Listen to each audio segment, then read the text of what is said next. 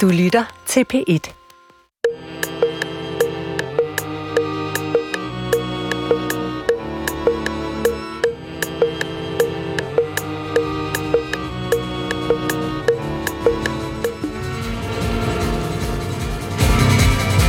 Why do we never get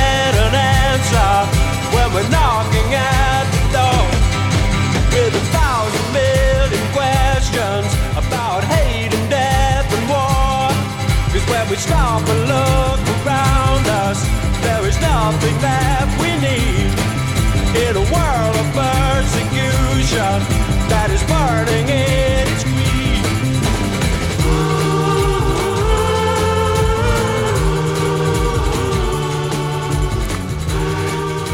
Goddag. Mit navn er Peter Lund Madsen, og rigtig hjertelig velkommen til Hjernekassen på P1. Og i dag der skal det handle om prostatakræft og kemoterapi. Jeg har tre gæster i studiet i dag. Det er Claus Vesterheden, det er Michael Borg og Lise Nørgaard Bensen. Og velkommen til jer. Velkommen til lytterne. Velkommen til Hjernekassen på P1. Du lytter til Hjernekassen på P1 med Peter Lund Madsen. Og i dag, som sagt, skal det handle om prostatacancer og kemoterapi. Og min, min første gæst, det er dig, Claus Vesterheden. Og det er jo ikke første gang, du er her. Nej. Øh, folk, der følger med i Hjernekassen, og dem er der mange af, de vil kunne huske, at du var her for cirka halvandet år siden. Ja, det er sådan noget lignende. Og kan du fortælle mig, hvad det var, du fortalte om dengang? Jamen altså, dengang øh, snakkede jeg om kastrationsbehandling, Ja. som jeg havde været igennem, da jeg og var startet på, da jeg kontaktede jer. Men øh, da jeg var i udsendelsen, der viste det sig så, at der virkede kastrationsbehandling ikke længere. Så der var jeg startet på en ny medicin, øh, ny medicin insulitamid, som er sådan en hormonmiddel. Øh, middel. Øh, og den kom så til at at virke fint, men øh, den holdt ikke så længe. Så i november måned, så kom jeg i kemoterapi. Og så tænker jeg, så skriver jeg lige ind til Peter og siger, skal vi ikke have et program om kemoterapi? Og det synes vi var en god idé. Og den sygdom, du har, det er prostatacancer. Ja. Vi skal lige øh, også have et andet spørgsmål besvaret, fordi det er jo dig, der har valgt den musik, der blev spillet i dag. Ja. Hvorfor har du valgt den? Og det var Moody Blues med Question. Yes. Og, og jeg vil sige, for det første så er det der, you never get an answer, som måske øh, er det, man kommer til at stille sig selv et spørgsmål om, når man sådan står og at døden banker på døren. Jeg er godt klar over, at teksten i den her måske mere beregnet på et kærlighedsforhold, men, men sådan er det jo også med livet. Det er jo også et kærlighedsforhold til det. Og jeg får jo nok aldrig et svar på, hvorfor et Miller skulle trækkes lidt hurtigere, og, og at det dermed skal have lidt kortere tid op på jorden. Så øh, jeg synes, den er dukket op. Og så er det jo sådan med dem, man hører, musik, man hører i sin ungdom, der kan man på en eller anden måde huske øh, teksterne på og sådan nogle ting. Det jeg hører ikke musik. senere. Jeg hører ikke musik, der er lavet efter 1979. Nej. Fordi, ja, det, det bliver hurtigt diffust. Øhm, men altså, øhm, si- siden sidst, der har du så øh, der har du begyndt kemoterapi. Ja. Og øh, hvordan er det for dig at få kemoterapi? Ja, altså, det, det, er jo, det er jo ikke særlig behageligt, kan man sige. Altså, det, det, selve, selve processen med at få det er ikke, ikke, ikke, ikke, ikke sådan noget større. Altså, det er et spørgsmål om at, at få en nål ind i armen, og så får man noget skylle med noget, øh, noget væske, og så bliver, får man så kemoterapien ind. Øhm, det, der sådan er lidt spøjst ved det, det er, at man øh, i dagen op til begynder at tage prednisolon, som er sådan binyrbarkhormonagtig. Øh, Så, så det havde i hvert fald i starten resultat af, at jeg nærmest hang op i væggene, fordi at jeg fik så meget speed. Ja, det, du blev, du blev opstemt. Ja, altså, og, øh, det fik min arbejde at føle, fordi at, øh, der, jeg, jeg har så arbejdet hjemmefra selvfølgelig på grund af coronaen, og, og det har været godt at kunne det i forhold til at have en kemoterapi, men, men jeg sad jo og skrev mails klokken 3 om natten, ikke? Fordi, og, og når jeg kiggede på, hvad jeg sendte af mails, sådan imens jeg var på en god dosis prednisolon, så, så røg der rigtig mange mails afsted. Det var fornuftigt, det jeg skrev, men men de kom på alle tidspunkter af døgnet. lige præcis. Ja. Og hvordan havde, du, havde du selv fornemmelsen af, at det kører hurtigt, eller, eller var det bare, nu skal vi se at få... ja, det er et spørgsmål om at prøve at gå op og sove, og så falder man i søvn, og så lige pludselig bling, så er det fuldstændig ligegyldigt, hvad klokken slår, så, så kører man bare. Ja. Øh, så, og så kom der selvfølgelig de der perioder, hvor jeg så lige tog sofaen. Ja. Og så fik begyndt du at få kemoterapi, og hvad er det for nogle bivirkninger, du oplevede der? Jamen, i starten havde jeg sådan, hvad kan man sige, det gæng, som man ved om sådan lidt kvalme og ondt i maven og sådan nogle ting der, øh, øh, og, og ikke rigtig lyst til mad. Øh, fordi at, øh, ja, fordi maven ikke artede sig. Øh, efter de første par gange, så, så, så artede maven sig faktisk, men så begyndte det at gå ud over min tunge. Øh, og, og det var jo også svært i forhold til øh, spisning. Ja. Men, men jeg har haft en høj disciplin i forhold til at spise, så det vil sige, det er så måske tre stykker rugbrød, og så bare en i munden med det. Ja. Og så er det så dejligt at have en kone, som siger, når jeg så siger til hende, jeg har spist, så siger hun, hvor er du dygtig. så, så jeg får ros for at spise. Så modsat mange andre, der kommer i kemoterapi, så lykkes det mig faktisk at holde vægten. Ja. Øh, men, men, men, men, men altså spisning gik fra fornøjelse til fordøjelse. Og der var slet ikke, altså det var en, var det en pine, eller var det bare noget, man skulle tage sig sammen til? Det er ikke, øh, det, det er en pine. Ja. Altså det er ikke, og, og desværre har jeg det stadigvæk. Altså et, min tunge er ikke, øh, er, er ikke sjov at have med at gøre. Den er, den er hud, altså den er, den er øm og sådan. Ja, præcis. Så øh, andre, nogle gange så øh, pasta og, og, og pasta har været godt. Ja. Fordi det kan man få hurtigt ned i svældet. Ja. så, så Men har kemoterapien så hjulpet på din sygdom? ja, det gjorde den starten. Ja. Efter fire gange kemoterapi, så, så viste scanningerne, at uh, der var to lymfer, der var krympet. Det, var Det er jo så sådan nogle lymfeknuder, hvor, hvor der er kræftceller i, og de var så blevet mindre. Ja, ja. Øh, øh, det skal så siges, de Ja, lymfeknuder, ja, ja, ja. ja. de lymfeknuder, som vi snakker om her, de ligger nede i nærheden af prostataen, så, Ja. det, så det er lokale. Ja. Og der kom ikke flere lesioner til, som tror jeg nok lægerne siger, altså der kom ikke nye til, som, øh, som, som var beskadiget. Så, øh, så på den måde var det fint nok. Det, på den negative side, det var, at mit PSA-tal, eller PSA-tal, som jeg holder af at kalde det, øh, det faldt ikke, det reagerede ikke på, på, på, på, på behandlingen. Og PSA-tallet skal vi høre om senere hen, men yes. det er sådan, kan man sige, et tal, der fortæller noget om, hvor meget, hvor aktiv sygdommen er. Ja, altså jeg, jeg plejer at sige, at det er et affaldsstof. Ja. Men det, det er et tal, man får, hvor, hvor hvis det er højt, så er det et tegn på, at der er sygdom er aktiv, og hvis det er lavt, så er sygdommen gået ned i Ja, aktivitet. ja, ja. Og der var ikke tegn, eller er ikke tegn på, at din sygdom er gået ned i aktivitet. Nej, nej. Så kemoterapien virker på nogle måder, på andre måder virker den ikke.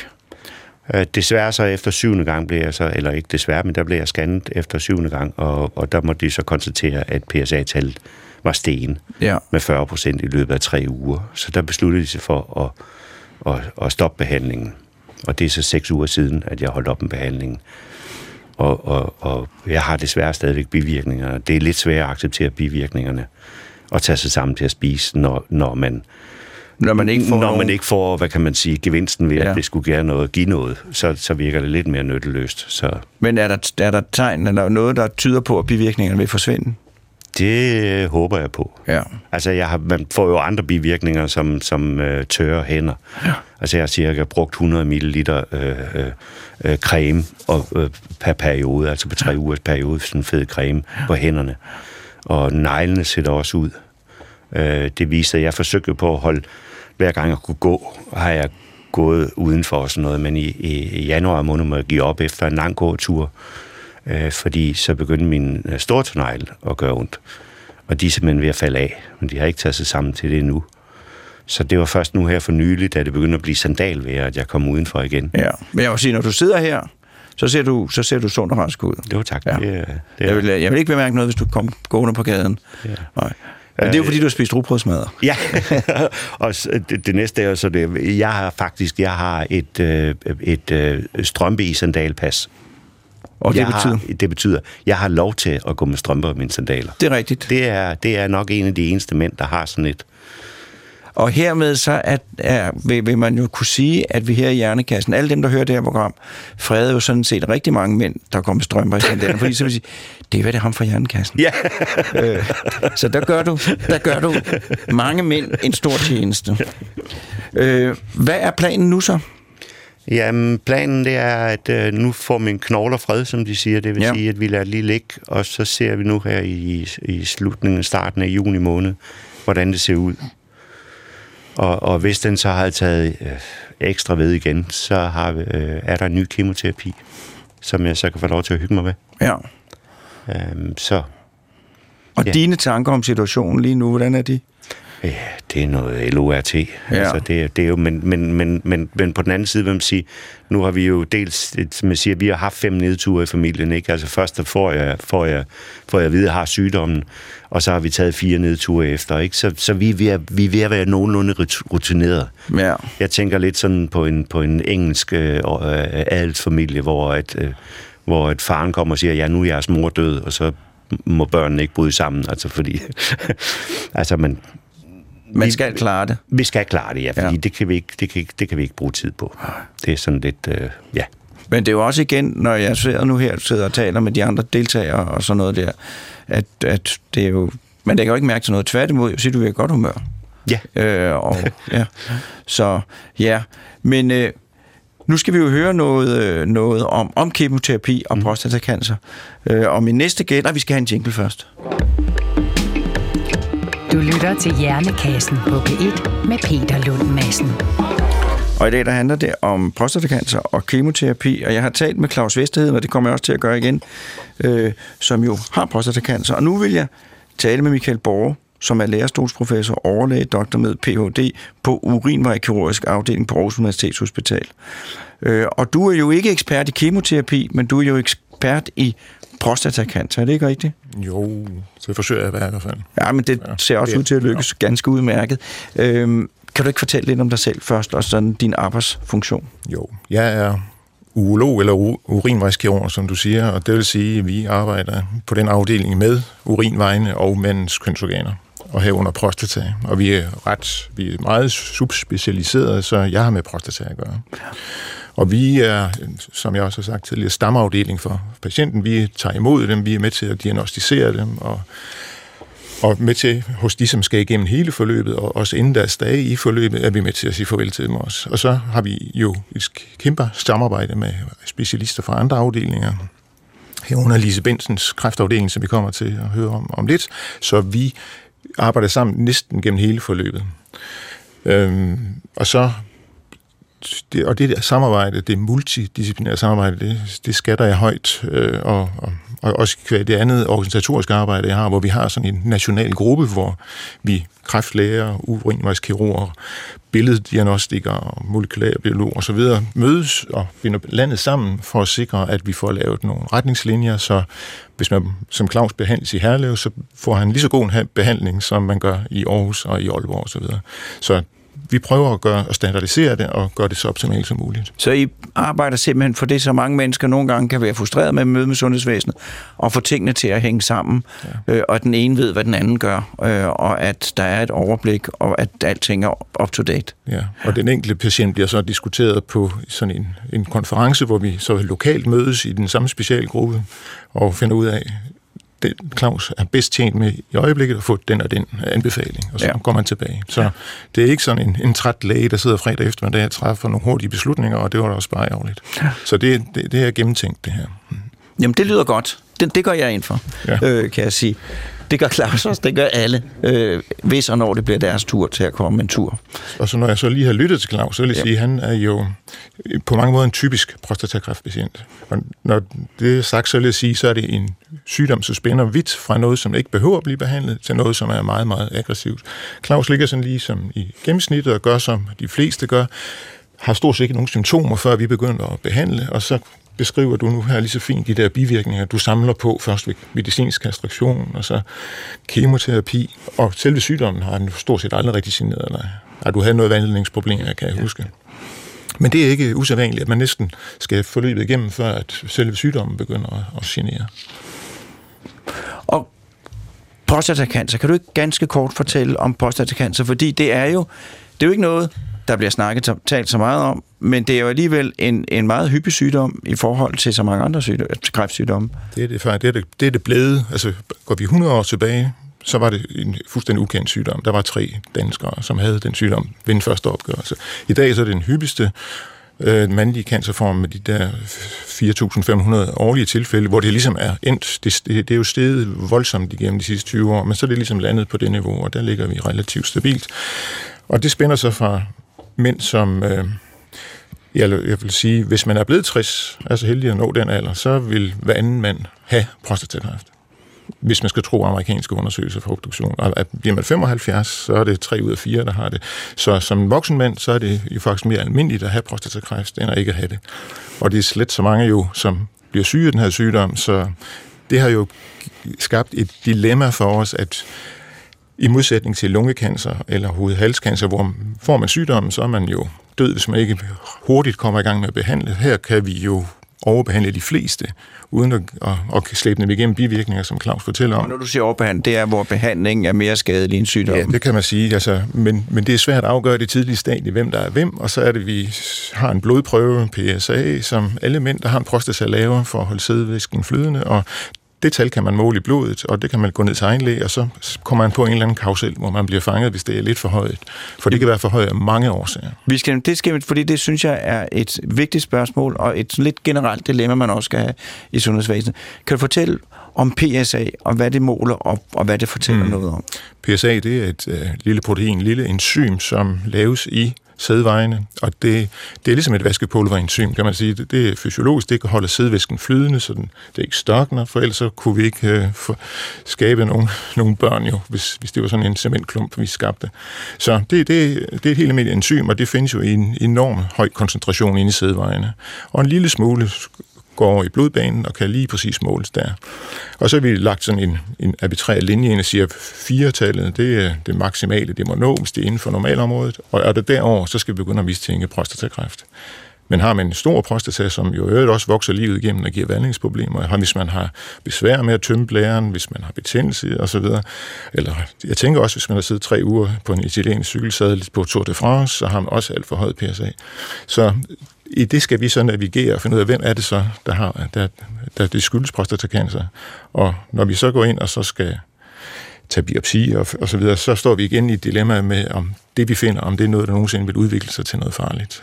Fordi der er ligesom to muligheder. Den ene mulighed er, at det her, det er øh, en, en, nogle forstadier til prostatacancer, som hvis man ikke gør noget, aldrig kommer til at genere nogen. Det kan også være, at det er starten på en kraftig sygdom, så hvis man gør noget nu og her, så var det det, der gjorde, at patienten ikke for alvor blev syg. Right. Og det er meget svært at finde ud af, hvad for en der er den ene, og hvad for en der er den anden. Ja. Og hvis man er rigtig syg, hvis cellerne er fuldstændig gået væk fra det, de lignede oprindeligt, så kan de ikke lave det her enzym længere, og så er det normalt eller meget lavt, og så kan man gå rundt og blive fanget af, at patienten i hvert fald ikke har prostatakræft, ja. men det har de så alligevel. Så hvis man nu er blevet en 60, mm. øh, og siger, jeg, jeg, vil, jeg, vil gerne, jeg vil gerne leve mit liv så sikkert som muligt. Jeg kommer op til dig, jeg er blevet en 60, jeg siger, jeg vil gerne leve mit liv så sikkert som muligt. Øh, jeg tror gerne, jeg vil bede dig om at få taget mit PSA, for lige at tjekke, om der er noget der. Hvad vil du så råde mig til? Så er det råder til at tænke dig gevaldigt godt om. Hvorfor? Jamen igen, fordi med stor sandsynlighed, så kan man påvise, at der er et eller andet, som man så skal til at følges for resten af sit liv som, øh, man, som man bliver jo let gjort til kræftpatient, også uden man skal behandles for det, og det slider altså på nerven, at skal have målt den her PSA hvert kvartal for at se, om det nu flytter sig, skal man behandles. Øhm, så jeg vil så spørge dig om, øh, er der nogle nære slægtninge, en far, en farbror, en bror, som har fået prostatacancer i ung alder, eller er død af det? Og i det tilfælde, så vil din risiko være betydeligt højere, og så vil jeg naturligvis... Øh... Og når du siger ung alder i den her sammenhæng, hvad er det? Ja, så er man øh, 50-60 år. Hvis man har haft øh, aggressiv prostatacancer i 50 ja. Og så vil jeg føle på, på prostata. Den ligger lige for fingeren, hvis man øh, føler via endetarmen. Og det, det ved jeg som reservelæge. Ja. For det er faktisk en vigtig undersøgelse, fordi ja. den, kan, den kan afsløre. Men, men på den anden side, kan man først føle noget med fingeren, så er man også relativt syg, så i den, i, i den øh, optimale verden, så ville, øh, så ville vi have en markør, eller PSA, bare mere specifikt, ja. som kunne sige, det her det er noget, vi skal forholde os alvorligt til. For så vil vi naturligvis gå ud og, og screene, som man gør for brystkræft og, og tarmkræft. Men det her, det er jo en afspejling, og nu må I rette mig, hvis jeg siger forkert, det er jo en, en, en afspejling af et generelt problem i sundhedsvæsenet, fordi, øh, og der vil blive mere og mere af den her slags, hvor meget af sit liv skal man bruge på at gå rundt og tjekke og være nervøs for at være på den sikre side, som man jo aldrig kommer, øh, og hvor meget er er utilladelig slendrian, hvis man ikke har holdt øje med noget, der kunne have forhindret en, en uheldig situation. Og der er ikke nogen faste regler, eller hvad? Det, nej, det er der ikke i det her, i det her tilfælde. Jeg vil sige, jeg sad på til en kongres, dengang vi stadigvæk måtte mødes til sådan noget.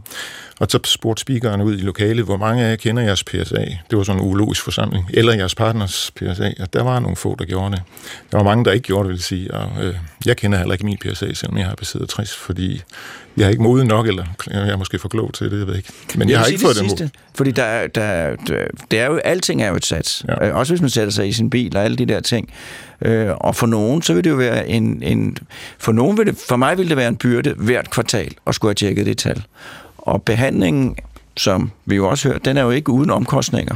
Øh, så, Men, men det, nu, er, nu er Claus jo desværre kommet et skridt for sent ind i, i diagnosen her, og ikke fået tilbudt den helbredende behandling, fordi det må også sige, at man, man, da vi opererer 1200 om året herhjemme, ja. Og Lises Bensens afdeling stråler jo halvt så mange, så det er jo næsten 2.000 mænd om året, som vi forsøger at helbrede, og det lykkes der også heldigvis at helbrede rigtig mange, så det er ikke det, er ikke det rene galskab. nej. Så hvis man kommer i gang i tide, Ja, men det kan man også godt komme, selvom man ikke får tjekket sit Ja, PSA-tal. det kan man. Og, og der er også en pris, der skal betales for de andre behandlinger. Ja. Og hvad er behandlingen af prostatacancer, hvis du lige sådan groft stiller det op i de der ja. forskellige veje, man kan gå? Kommer man ind, i, ind til os med en lokal sygdom, som kan fjernes, så vil vi jo så mødes til sådan en MDT-konference og, og se på, hvor, hvor, hvor, hvor udbredt er sygdommen lokalt, og hvor vred ser cellerne ud i mikroskopet osv. Og så vil vi tilbyde enten kirurgi, hvor vi fjerner, og lader patienten gå hjem dagen efter, og med et kateter, og så øh, fjernes det efter otte dage, og så er man egentlig færdigbehandlet. Og så skal man så til at lære at holde på vandet igen. Sådan rigtig for, de fleste bliver heldigvis relativt tætte hurtigt, men, og så er der rejsningen, altså rejsningsevnen, den får også øh, nogle skrammer. Øh, så det er det, man skal håndtere fra dag et. Og ellers så vil jeg lade Lise lidt fortælle om, hvad det andet tilbud er, det er så strålebehandling med eller uden øh, noget kemo, eller øh, kastrationsbehandling, eller efter hvor udbredt, øh, eller hvor høj risikoen er for tilbagefald. Det er sådan de to hovedbehandlinger, hvis man ikke bliver observeret, og det er faktisk 1000, næsten 1000 mænd om året, der bliver diagnostiseret og sat på sådan en, et hyttefad, hvor vi siger, ja, du har godt nok nogle kræftforandringer, men det, vi tror faktisk ikke på, at det nødvendigvis bliver sådan noget. Så hver kvartal, så undersøger vi og laver hjemmescanninger. Så er, der, så er der den del af patienterne, som, hvor sygdommen øh, kommer tilbage efter den primære behandling, eller bliver diagnostiseret som Claus med noget, som har spredt sig, og så skal man så i kastration, livslang kastrationsbehandling, suppleret med en hel række tillægsbehandlinger, som, hvor vi som urologer byder ind, og, og Lises afdeling med kemoterapi og anden medicin byder ind. Så og kastraktionsbehandling, vi, kan du ganske kort fortælle, hvad det er for noget? Ja, så det er jo enten, at man kirurgisk fjerner testiklerne, ja. og dermed øh, det mandlige kønshormons produktion, eller man giver et depot i maveskinnet hver halve år, som får hjernen til at holde op med at kalde på testosteronet i stenene. Og så er man uden det og bragt tilbage til før teenageårene med det, hvad det koster. Men det har også en, en, en positiv effekt på, på kræftsygdommen. Det lægger det sygdommen til ro i, øh, mediant eller som gennemsnitlig næsten to år. Ja. Så det er en, en behandling med bivirkninger, men det er også en behandling med... En meget effektiv behandling. Med effektiv behandling. Ja. Og så er der strålebehandling, der er strålebehandling, kirurgisk behandling og kemoterapi. Det er ja, sådan en række, og så kommer der en række nye behandlinger også, som vi er også deler ud af. Ja. Og hvad er det for nogen? Jamen det er, altså der kommer de nye super anti-androgener, og så er der Elises afdeling tilbyder også, eller sammen med nuklearmedicinsk, en form for stråle, øh, flydende strålebehandling. Øh, og så kommer der mere specifikke behandlinger nu, hvor man, hvor man har fejl i reparations-DNA-gener, hvor man kan gå ind og så BRCA2 for eksempel, så kan du gå ind og give medicin der, som får de sårede celler til at dø, altså de her ja. kræftceller. Ja.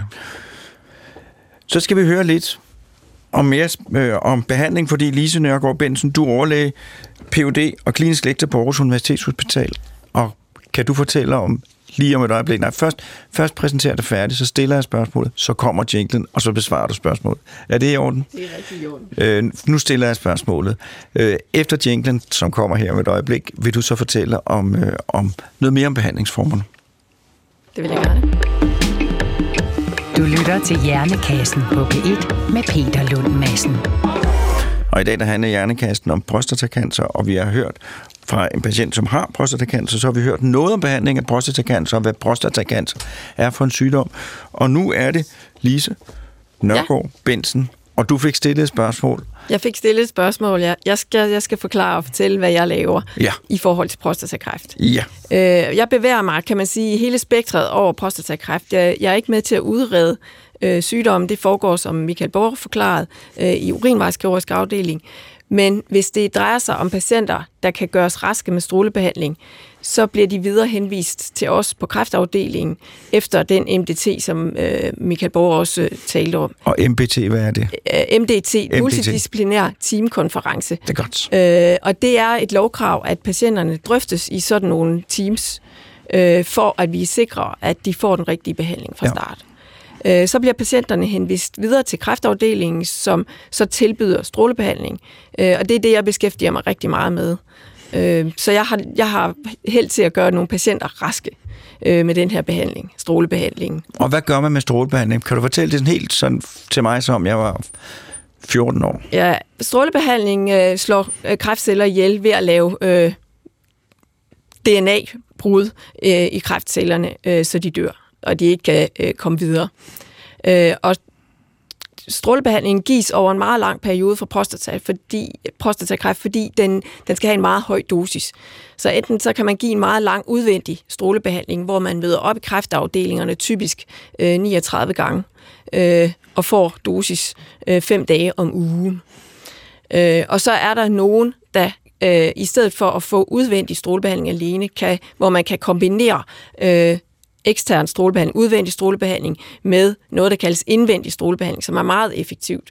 Der ligger man nogle ra- radioaktive kilder op igennem nogle nålekateter øh, i prostata, øh, og så stråler det indfra ud, og det betyder, at vi ikke sviner så meget med strålebehandlingen i for eksempel endetarmen og blæren. Og stråle, det er radioaktive stråler, Det er vi radioaktivt. taler om. Ja. Det er det. Og hvad kan man gøre mere? Øh, hvis vi har nogen, der er øh, egentlig øh, meget attraktiv til kurativ strålebehandling, men kun har for eksempel en eller to knoglemetastaser, så er det sådan, at det er, det er ikke en, en, hvad skal vi sige, en rutinebehandling, så kan man forsøge at give stereotaktisk strålebehandling, altså højpræcision strålebehandling på knoglemetastaser under øh, hormonbehandling, og så øh, alligevel tilbyde, hvad skal vi sige, det kurative øh, strålebehandlingsforløb. Fordi det er sådan her med den her sygdom, og nu må jeg rette mig, hvis jeg siger forkert, at i de tidlige stadier, så er kræften lokaliseret til Ja. prostata. Ja. Og hos nogen, hvis det ikke bliver opdaget i tide, så spreder det sig ud i kroppen. Og prostata, det er det, der hedder metastaser, når kræften har spredt sig. Og prostatacancer har en tendens til at sprede sig til, til rygsøjlen, og er der andre steder, den har en tendens til at sprede sig? Ja, altså det er primært knoglemetastaser ja. og lymfeknudemetastaser, ja. som, som du så også har, Ja.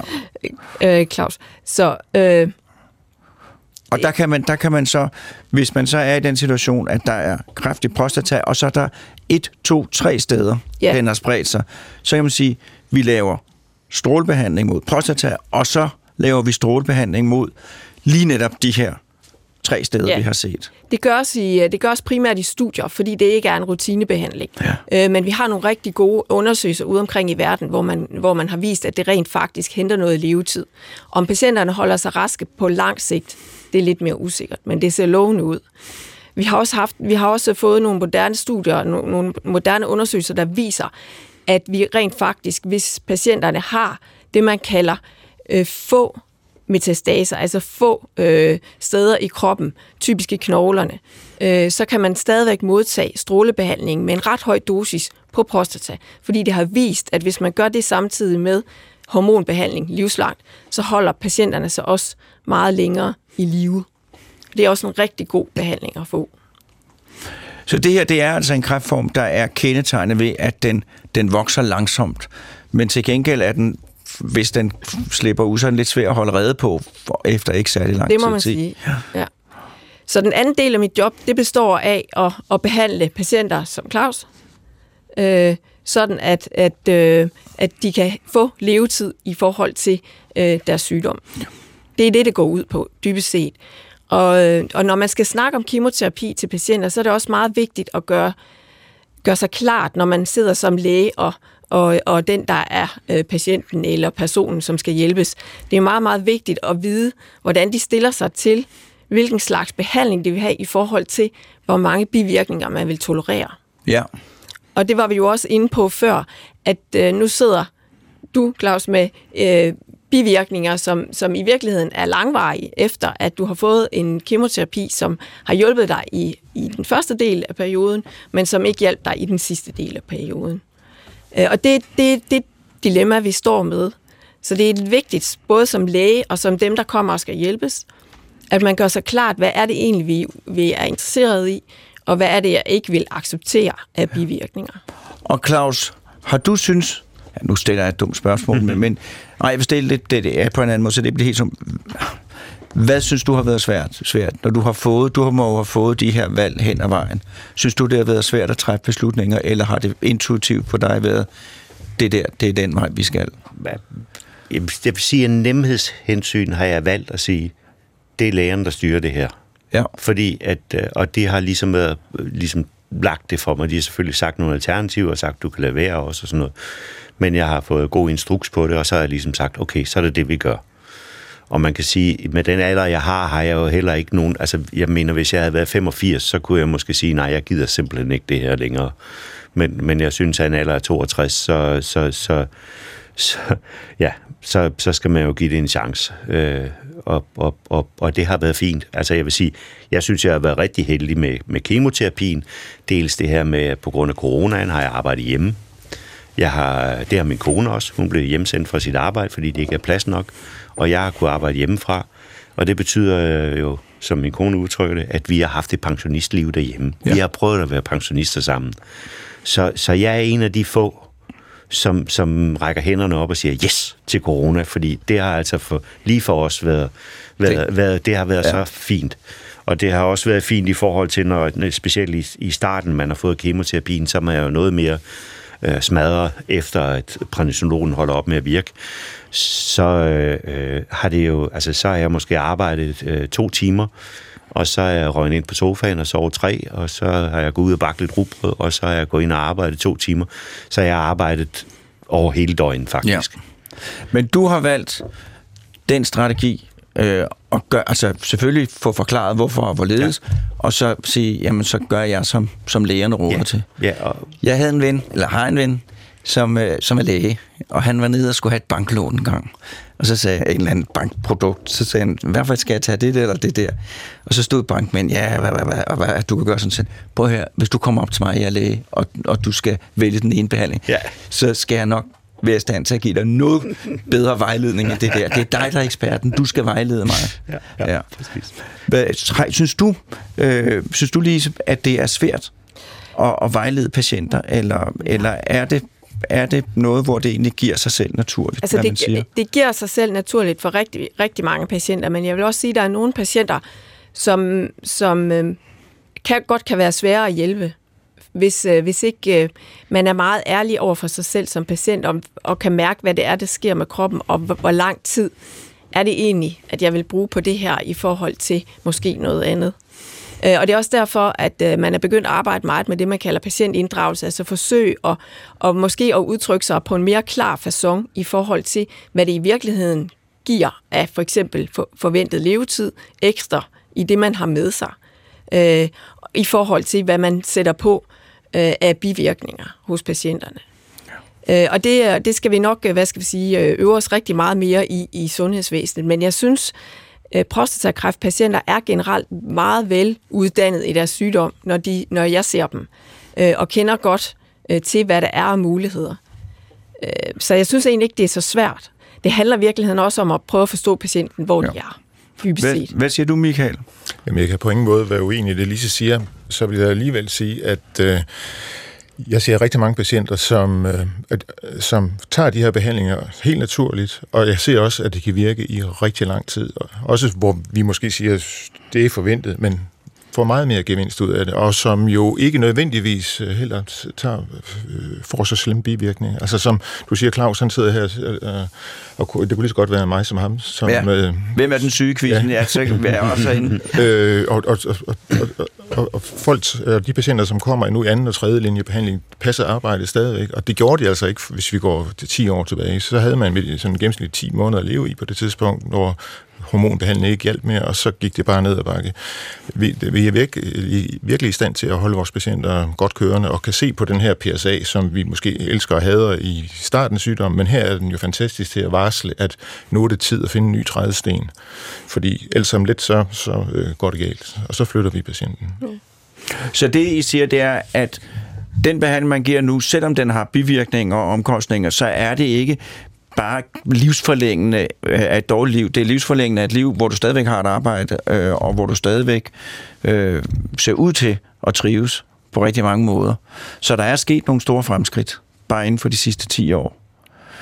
Hvad ligger og venter ude i fremtiden? Altså, det, det vi jo øh, håber meget på med prostatakræft, det er, at vi øh, endelig øh, ser et resultat af immunterapi. Ja. Øh, prostatakræft er en, en, det, man kalder en kold tumor i forhold til immunterapi. Den er meget svær. Den har svært ved at trigge immunapparatet. Og derfor så øh, har vi ikke endnu endnu at se, altså, og vi venter på, om vi kan lave nogle studier, hvor vi faktisk får en effekt af immunterapien, ligesom vi har set på mange af de andre kræftsygdomme. Øh, vi har ikke noget endnu, øh, og der pågår undersøgelser rundt omkring i verden på at prøve at, og, hvad skal vi sige, lægge flere præparater sammen, således at man kan øh, få gavn af immunterapi. Så det håber vi stadigvæk på.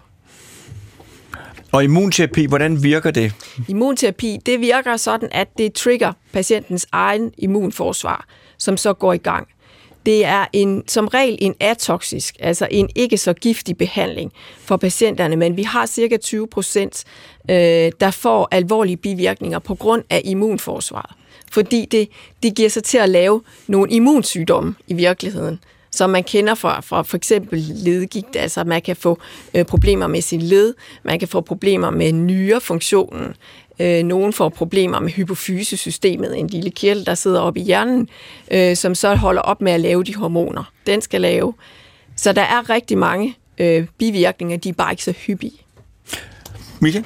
Jeg vil sige, vi øh, deltager i Aarhus sammen med andre danske centre i et vaccinationsprogram faktisk mod prostatakræft i de tilfælde, hvor man får tilbagefald efter kirurgi eller den primære strålebehandling. Og det virker øh, ikke giftigt på det tidspunkt. Vi ved så heller ikke nu, om det i virkeligheden virker, men det testes. Og jeg er enig med Lise om, at vi vil jo gerne kunne lægge den her sygdom til ro, gøre det til en kronisk sygdom som sukkersyge eller andet. Og så øh, ser jeg jo det helt store udfordring i at gå ind tidligt og finde de rigtige patienter og få givet dem en, gå ud og, og samle dem op, før de bliver for syge, og få dem behandlet. Og vi er i gang, vi er begyndt at MR-scanne, før vi tager biopsier, og øh, på et eller andet tidspunkt, så vil vi nok have nogle studier, der viser, at øh, vi kan tillade os at begynde at kalde folk ind efter personnummer, som man gør ved covid-vaccination nu, og så er det så prostatacancer, vi gerne vil screen for. Vi har bare ikke de redskaber endnu. Men altså, hvis man nu opsummerer, med hensyn, nu må jeg virkelig rette mig, hvis jeg siger noget, hensyn til behandling af prostatacancer, der har man kirurgisk behandling, som man kan raffinere mere og mere, men den er jo virkelig blevet forbedret. Så har man kemoterapi, hvor der stadigvæk er muligheder for at finde på nye stoffer og målretten. Så er der strålebehandling, radioaktive stråler, som slår de øh, syge celler ihjel, hvor man inden for en tidstid har jeg fornemmelsen, virkelig er kommet langt mere forbedret øh, den behandling og målretten. Øh, man bliver meget bedre til at styre, hvor de stråler ryger hen ind i kroppen. Og så er der et nyt kapitel, som man gerne vil åbne, åbne som er immunoterapi, hvor man kan sige, at kroppens egne celler angriber kræftcellerne. Så alt i alt tror jeg, det er forbedret lige så meget om 10 år, som det er nu i forhold til for 10 år siden. Det, det tror jeg faktisk. Altså, der er gået 20 år, hvor vi har samlet nogle sten, som jeg kalder det, ja. hvor vi har en vis levetidsforlængelse. Og forud for det havde det stået stampe i 50 år.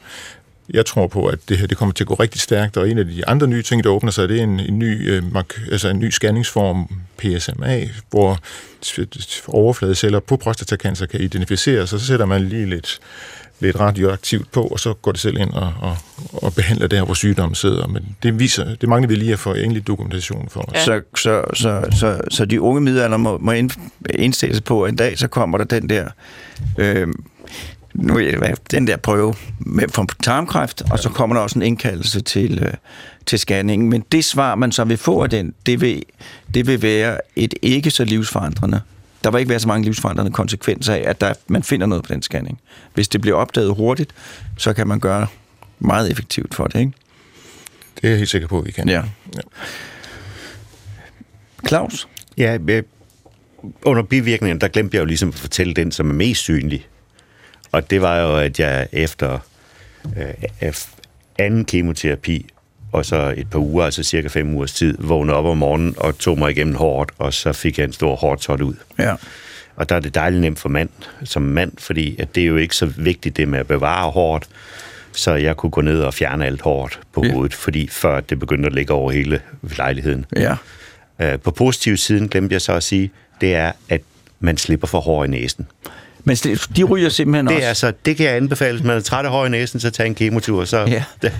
Men det er jo alligevel, det er jo, øh, det er jo alligevel en, det, det er noget, som ikke mange ved. Øh, eller ikke mange vidste, at det også simpelthen tager hårene i næsen.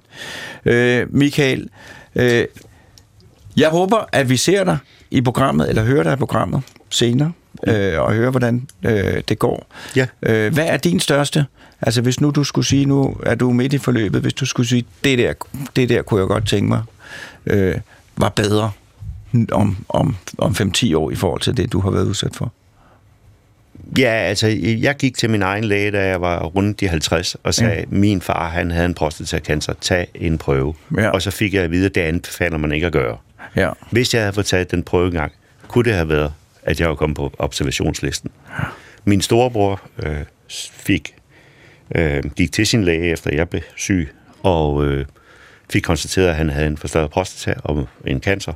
Han er opereret nu og er helbredt. Så øh, det- ærger mig lidt, at den her læge her til, sagde til mig dengang, at, at det anbefaler det, man ikke gør, når du ikke har nogen gener.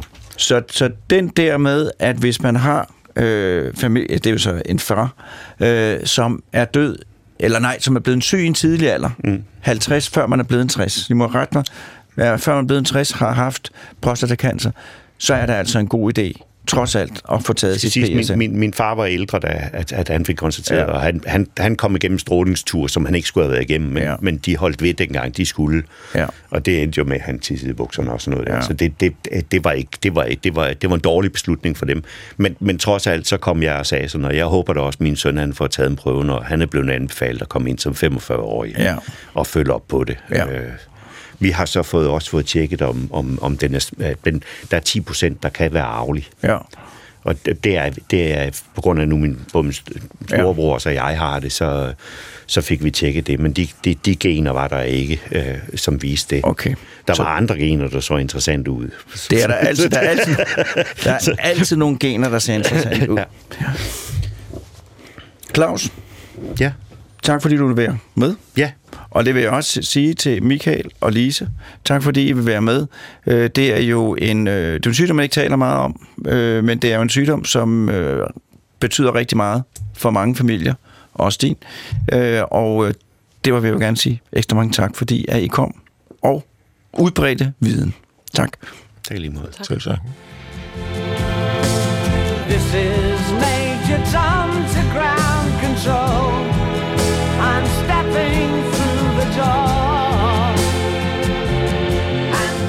And I'm I'm going to step off the limb. It's one small step for man, one giant leap for mankind. Oh, that looks beautiful from here, Neil. It has a stark beauty all its own. Is life on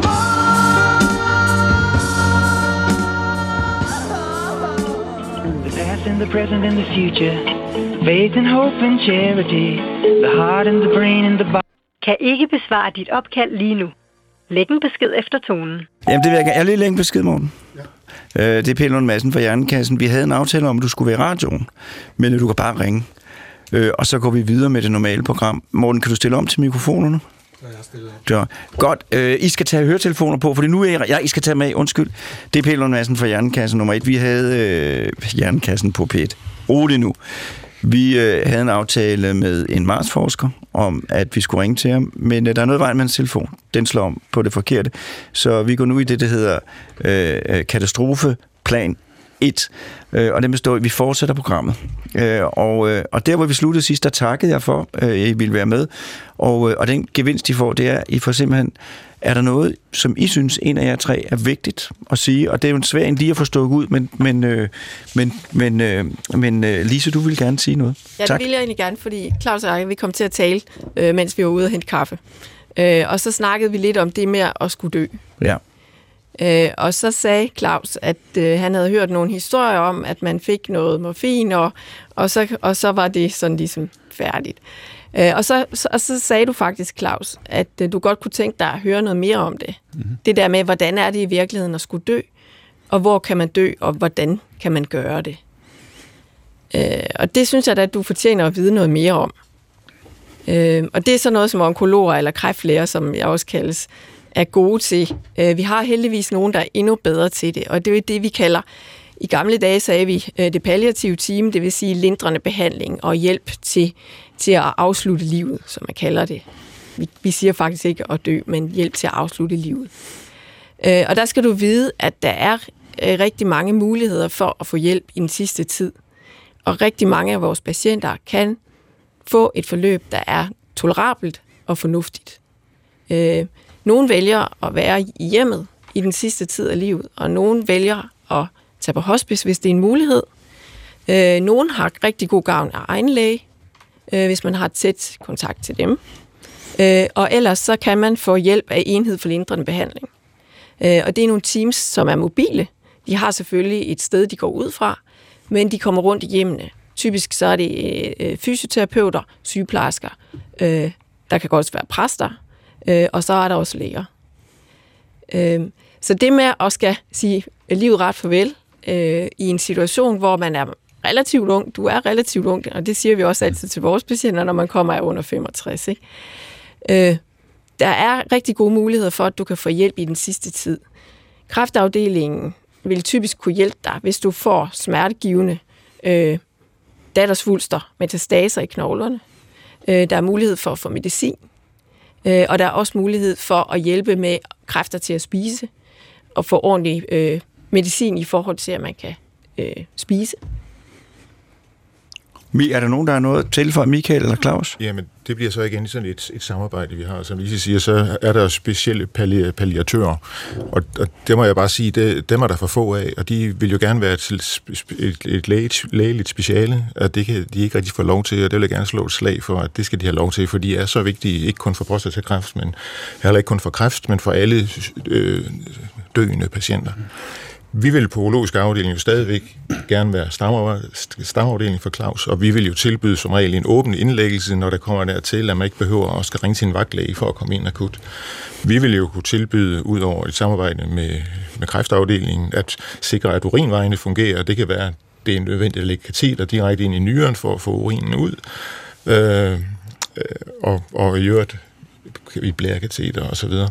Så, så der er rigtig mange, der, der i virkeligheden meget gerne vil være med til at gøre det her tolerabelt og tåligt. Og så vil jeg sige, man skal ikke være bange for at, at skulle på hospice. Fordi det, selvfølgelig er det for de fleste sidste sted, og ophold, og man føler, at man bliver skilt fra sin familie. Men familien kan altså stort set følge med, og det er altså også en lettelse for begge parter, at patienten ikke skal føle, at man er til besvær og, og bryder familien ned, og, og, og familien har også behov for at ikke selv stå med hele ansvaret, så det er en, det er en rigtig fornuftig løsning. Hvad siger du, Claus? Hvis du... Jamen altså, ja, det er jo betryggende det her, at, at det er på den måde, og, og, men, men, men som, som dem, der nu skal tage afsked med livet, øh, der er, er, er, er det jo meget det, man tænker på, det er sin pårørende. Mm. Ja. Og øh, specifikt min kone. Ja. Altså, øh, og efterlade hende alene i, i vores lejlighed er selvfølgelig svært. Øh, vi har også taget vurderingen, om man skal downsize, øh, men, men at begynde at kaste en flytning ind nu her, øh, og, fordi hun kommer til at bo et ganske stort hjem, Ja. fordi vi har haft børn boende hjemme, sådan noget. nu er der jo ikke nogen. Så, så, så jeg håber også, at der er nogen, der, der hjælper hende, Det er jeg kommer på, der er. dertil. Øh, for, for det er det, der, der kan gøre ondt. Men øh, det er jeg sikker på, der er. Øh, jeg er blevet en alt, hver eneste gang, jeg har set, så bliver jeg overrasket over, hvad folk kan hente Ja. af overskud og hjælpsomhed. Og, Øh, og sørge for, at ting skal ske, som sker. Det, det, der så er lidt sjovt i min situation, det er, at nu har jeg, har jeg været så træt, at jeg har været nødt til at, at, at, at sygemelde mig halvtid cirka. Øh, og det er sådan, at mit arbejde efter, efter mange års pres øh, har endelig har fået ansat en, som jeg kan lære alle mine tricks. Godt. Øh, så det er rigtig fint. Det var også en bekymring, jeg havde. Det var lidt det der, er der en, der kan tage over? Det, har, det er der kommet nu, og ham er jeg begyndt at overdrage til. Så nu begynder det at nærme sig lidt, at jeg måske er klar til at sige, nu skal jeg bare nyde resten af min dag som pensionist. Ja. Men Claus, er du sådan en, der, der, der du, skal, du er meget ansvarsfuld øh, nu med at skulle overleve, ja. Ja. over, oplære folk og sådan noget der. Er du sådan en meget ansvarsfuld menneske? Ja, det synes jeg jo nok, Ja, ja, det sådan det der sådan. område der. Det, det skal være i orden. Øh, øh, men, men, men når det så kommer dertil, så har jeg jo faktisk endet det problem, at jeg er jo ikke berettiget til en seniorpension, fordi jeg ikke har været syg. Øh, og, og, øh, men, men jeg har så snakket med en socialrådgiver, som, som så siger, søg nu den seniorpension, fordi der er et halvt års ventetid, før du kommer til. Ja. Og hvem ved, om, hvor det står om et halvt år. Og, og det kan man måske godt, nu der har været al den snak om Arne-pension og sådan noget, blive lidt, øh, lidt, lidt, lidt frustreret over, at der er ikke nogen, der kommer og står og siger, jamen du har den her sygdom, din prognose er sådan her, du skal have en seniorpension, det er nu.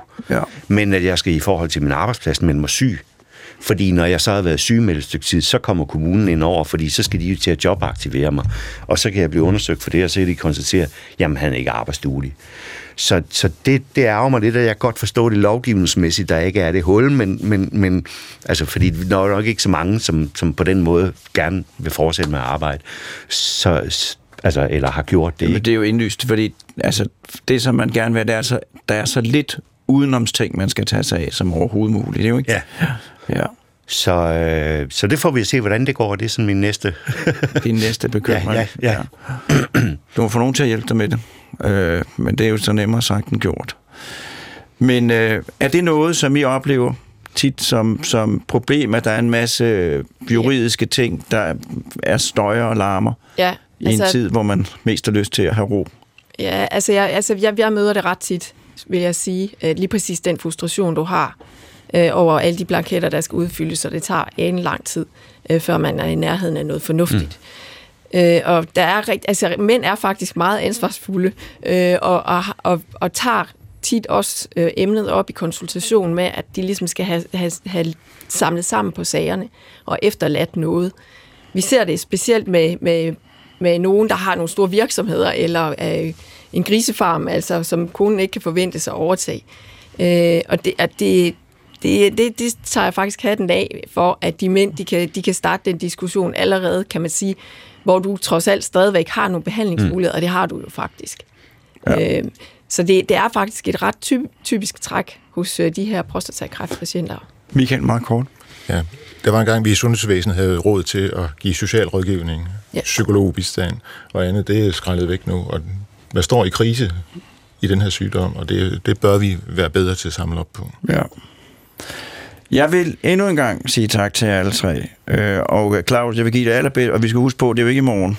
Øh, og øh, og øh, jeg vil sige, at øh, jeg synes, at det er den smukkeste tid i min familie. Det var dengang, min mor var syg. det er fordi, jeg er en gammel mand. Øh, jeg skal lige sige, det var øh, tak for, at I ville deltage. Ja. Alle tre. Og så vil jeg sige tak til Morten. Øh, og det var jo ikke Mortens fejl på nogen måde, det var det ikke, at, øh, at vi ikke kom til Mars. Og det var egentlig meget godt, synes jeg, at vi ikke kom til Mars. Øh, det var vigtigt, det vi fik talt om i stedet for.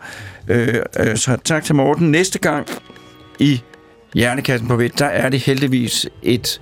Det, det er stadigvæk et problem selvfølgelig, men det er et noget, øh, det er noget, øh, det er noget mindre tyngende problem, fordi næste gang skal det handle om corona og teenager. Og indtil da, der er der kun at sige tak, fordi at I lyttede med på Hjernekassen på P1 og på genhør igen. Og det er det, jeg ikke må sige. Jeg siger på genhør om nu.